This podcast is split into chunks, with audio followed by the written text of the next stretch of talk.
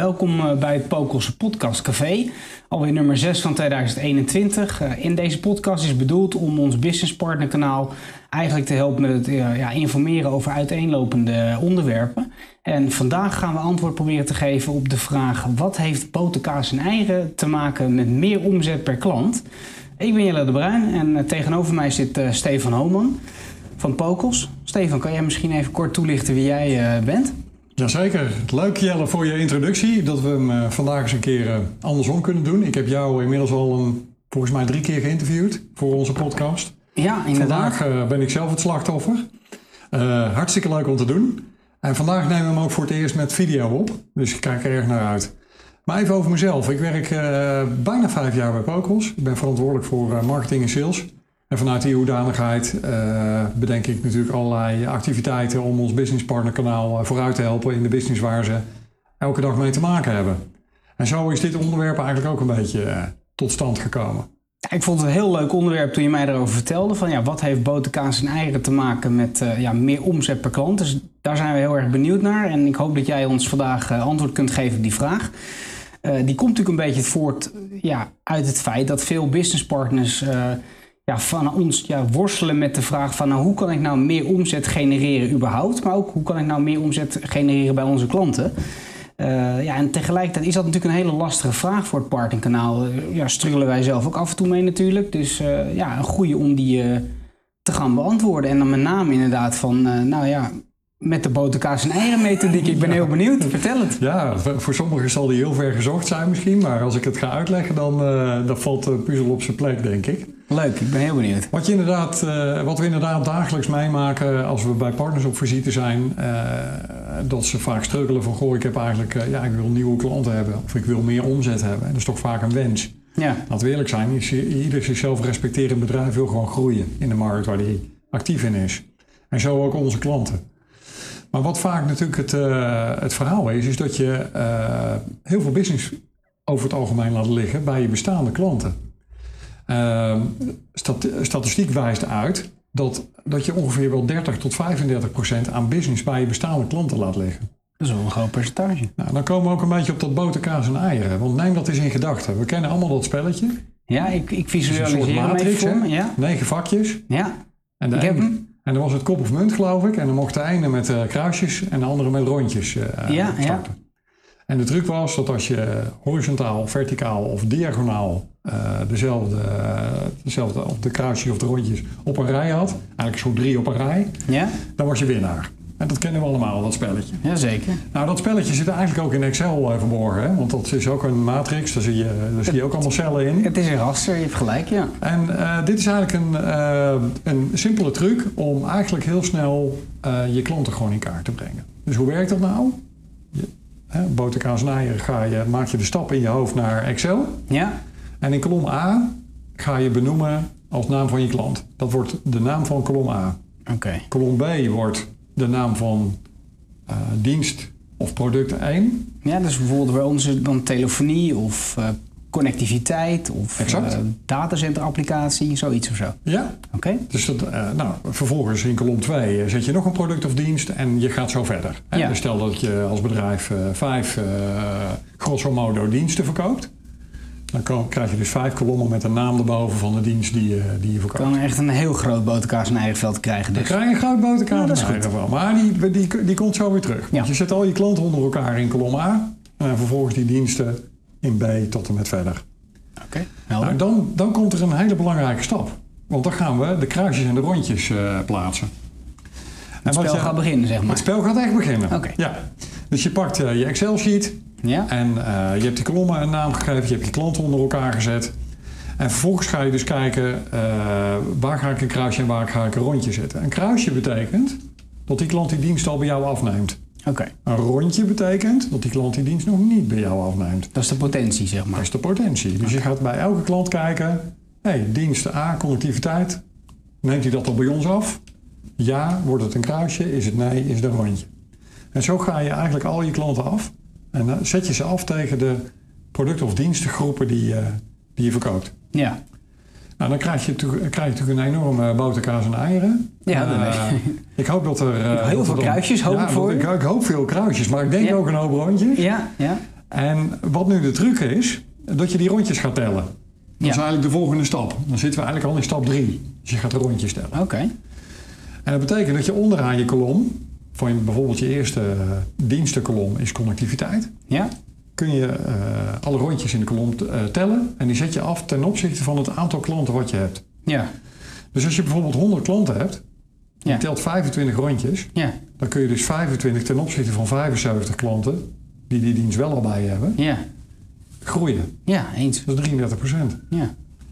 Maar als je bijvoorbeeld, eh, nou ja, telefonie, je hebt 100 klanten, je telt 45 rondjes. Dat betekent dat je 55 klanten hebt die al telefonie bij jou afnemen, Ja. maar 45 die nog niet bij jou telefonie afnemen. Nee. Nou, eh, procentueel is dat 75% groei. Ja. Dus daar ligt een interessante Er ligt een enorme kans.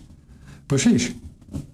Nou, wat, wat je, dan kom je dus eigenlijk al bij stap, eh, bij stap 4 terecht. Ja. Dat je van rondjes kruisjes moet gaan maken.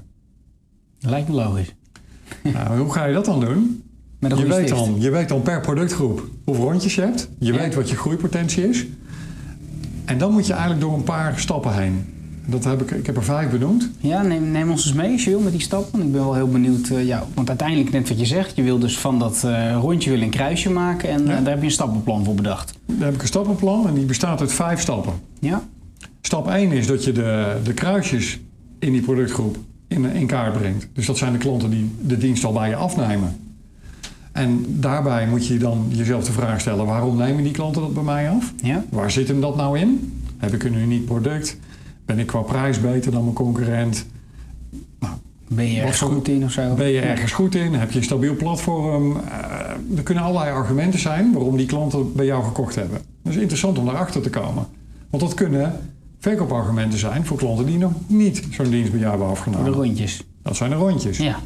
Nou, onderzoek waarom de rondjes deze dienst niet bij jou afnemen. Nou, dus bel er eens één of twee op en breng die bezwaren eens in kaart. Goh, vertel eens, waarom neem je die dienst niet bij mij af? Want het kan bijvoorbeeld zijn dat, eh, dat die specifieke klant helemaal niet weet dat jij telefonie verkoopt. Nee.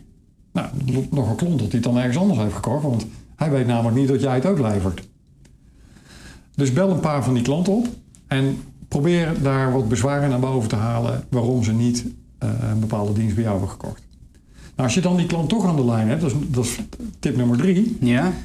Ehm, A, weet je, weten ze dat jij die dienst ook verkoopt, maar die heb ik al even genoemd. Ja? Maar vraag ook of ze openstaan om van jou een offerte te ontvangen voor die specifieke dienst. Dan heb je eigenlijk al meteen, ben je eigenlijk al meteen een soort van lead eh, aan het genereren. Absoluut. Nou, dan heb je stap 4. Met deze informatie die je dus terugkrijgt van je bestaande klanten en van de rondjes, Ja? kun je natuurlijk gaan kijken naar wat is nou een hele slimme propositie. Wat sluit aan op mijn klantenbestand? Ja. Wat zou ik ze kunnen gaan aanbieden? Nou, daar kun je over in discussie met je leverancier. Hè, van welke, eh, stel dat je het over telefonie hebt of over connectiviteit, maar laten we telefonie nog even als voorbeeld nemen. Ja. Ga eens even kijken van, goh, welk platform heb ik nou verkocht bij die bestaande klanten? Kan ik daar nog eh, bepaalde elementen uithalen die interessant zijn voor een nieuwe klant? Eh, en probeer dan tot een, tot een goed voorstel te komen waarvan je zegt, nou, daar kan ik zo'n rondje mee bellen. Dan kijk je dus eigenlijk gewoon van w- w- wanneer sta ik in mijn kracht als onderneming? Waar, waar zijn wij goed in? Waar zijn we sterk in? Exact. En hoe kunnen we die, die sterke punten van ons, onze USP's, die ook wel natuurlijk wel genoemd worden in de business, eh, ja, hoe kunnen we die vertalen eigenlijk naar een, eh, naar een prospect of in ieder geval een klant uitleggen waarom die die dienst dan bij ons zou moeten afnemen? Nou, dat is inderdaad een hele goeie, want eh, je ziet dat best wel veel partners, als je het over telefonie hebt, meerdere platformen verkopen. Ja, Maar als ze deze analyse doen op hun klanten en ze gaan, gaan dus bij al die kruisjes kijken, dan zal je zien dat er toch een, gewoon een gemene deler in zal zitten van Ja. een bepaald platform, wat ze eigenlijk, waarvan de partner eh, zegt, die verkoop ik graag, want daar sta ik achter, ja, en waarvan de klant ook heel tevreden is. Dus dat is denk ik een heel goed aanknopingspunt om juist dat platform, en zeker als je daar tevreden klanten in hebt, ja. om bijvoorbeeld de ervaringen van die tevreden klanten te delen met klanten die nog geen telefonie bij jou hebben Dus eigenlijk de sterke kant op een bepaald platform, die toon je dan aan. Precies, en je bent thuis in dat platform, je kent het, je hebt het al een paar keer verkocht, je, bent, ja, je, hebt, het, je hebt ervaring met installeren, je hebt ervaring met het, met het inrichten voor je klant. Ja, En die klant die dat al heeft, die kan daar mogelijk ook een heel positief verhaal over vertellen. Ja, dus je maakt eigenlijk een bewuste keuze en dan uh, kun je daarop verder voorborduren. Nou, Ja. Als je dit soort podcasts leuk vindt, zou ik zeker nog blijven luisteren, want dat is een voor een volgende weer eh, Nou ja, een keer eh, te bespreken. hoe ga je die propositie onder de aandacht brengen? Dat is, Ja. Daar kunnen we inderdaad volgende keer over gaan praten. Dus eh, blijf van die buis gekluisterd. ja, absoluut, zou ik zeker doen. Nou, en dan nummer vijf natuurlijk. eh, kom in actie. Dus ga die rondjes bellen en bespreek je idee en ga het gesprek met ze aan. Ja, Nou, en als je daar dan, eh, ja, dan, dan- weet je, dan, dan, het is laagdrempelig. Je bent je, je bent je bestaande klant aan het bellen. Dus het is toch veel makkelijker dan een nieuwe klant gaan opzoeken. ja, Ja, en je ziet dat je daar, eh, ja, daar ben ik van overtuigd, dat je daar behoorlijke stappen in kunt maken in de omzetgroei. ja. Nou, hartstikke mooi. En dan uiteindelijk heb je dus het spel gewonnen voor onder je eigen klanten. Dan heb je dus gewoon, jij hebt dus horizontaal, verticaal of diagonaal heb jij Overal kruisjes gezet. Overal kruisjes, ja, dan ben je Ja. de winnaar. Als het hele blad vol met kruisjes staat, hè, dat zou natuurlijk Ja. een utopie. eh, Hè, want er zijn altijd klanten die altijd, nog, altijd wel iets ergens anders kopen. Maar ja, je moet wel streven naar zoveel mogelijk kruisjes. Want ja, weet je, het, wat ik al zei, waar we ook al mee begonnen. Statistisch gezien eh, zie je dat een klant, eh, of dat een, een IT-business partner... of een bedrijf in de algemene zin die aan klanten levert... Ja, eh 30% kan groeien door bestaande klanten te ontwikkelen. Ja, dat heeft natuurlijk gewoon een groot aantal voordelen als je dat doet. Ja, en door dat boter, kaas en eieren scherm eigenlijk, wat je dan gecreëerd hebt, creëer je wel heel veel bewustzijn over. In één oogopslag kun je dus zien, tik ik eigenlijk bij mijn klanten alle boxen aan die ik eh, in mijn winkeltje heb. Ja, laten we eerlijk zijn, het is een, een vrij eh, eenvoudige exercitie eigenlijk om te doen. En Ja. je kunt, eh, zeker als je de diensten die je verkoopt, ook nog in je boekhouding in een grootboekrekening hebt gehangen, dan hoef je niet eens op detailniveau. Dan kun je gewoon zien welke klanten nemen de diensten die onder connectiviteit af en nemen de diensten die onder telefonie af. En dan kun je best wel snel in kaart brengen. Ja, alleen al bewustzijn eh, gaat je gewoon verder helpen om, eh, ja, om je omzet bij je klant te vergroten. Ja. Nou, we kunnen nog heel eventjes bij die voordelen stilstaan op het moment dat je deze exercitie ook echt doet. Ja, ik ben benieuwd. Het is, wat ik al zei, het is eigenlijk veel makkelijker en laagdrempeliger om een bestaande klant eens te bellen. In plaats van een nieuwe. Ja, Want die, je hebt daar namelijk al een relatie mee. ja, Je bestaande klant, als je die aandacht geeft, dan worden dat mogelijkerwijs ook ambassadeurs van jou. Dus als ze meer diensten bij je afnemen. En ze zijn ook nog eens tevreden, dan worden ze ambassadeurs.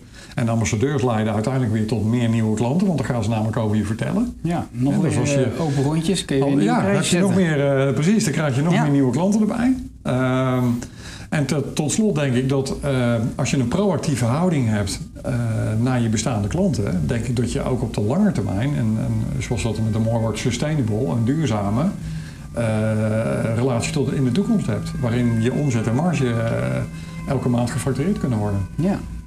Nou, hartelijk bedankt. Ik moet zeggen, kijk op een hele andere manier nu naar eh boter, kaas en eieren. Het is altijd natuurlijk een leuk spelletje om op een achterkant van een bierviltje te doen. Maar ik denk dat dit een hele belangrijke exercitie is om dat te doen bij je klantenkring. Eh, Ja, ik ben- wil je heel hartelijk bedanken, eh, Stefan, vandaag eh, voor je uitleg en eh, voor deze methodiek.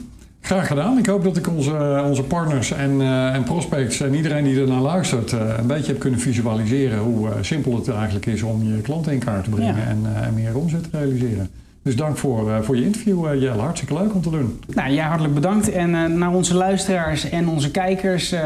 ja, hopelijk zien we je terug bij de volgende podcast. Hou ons in de gaten, de kanalen. En hartelijk bedankt en tot de volgende.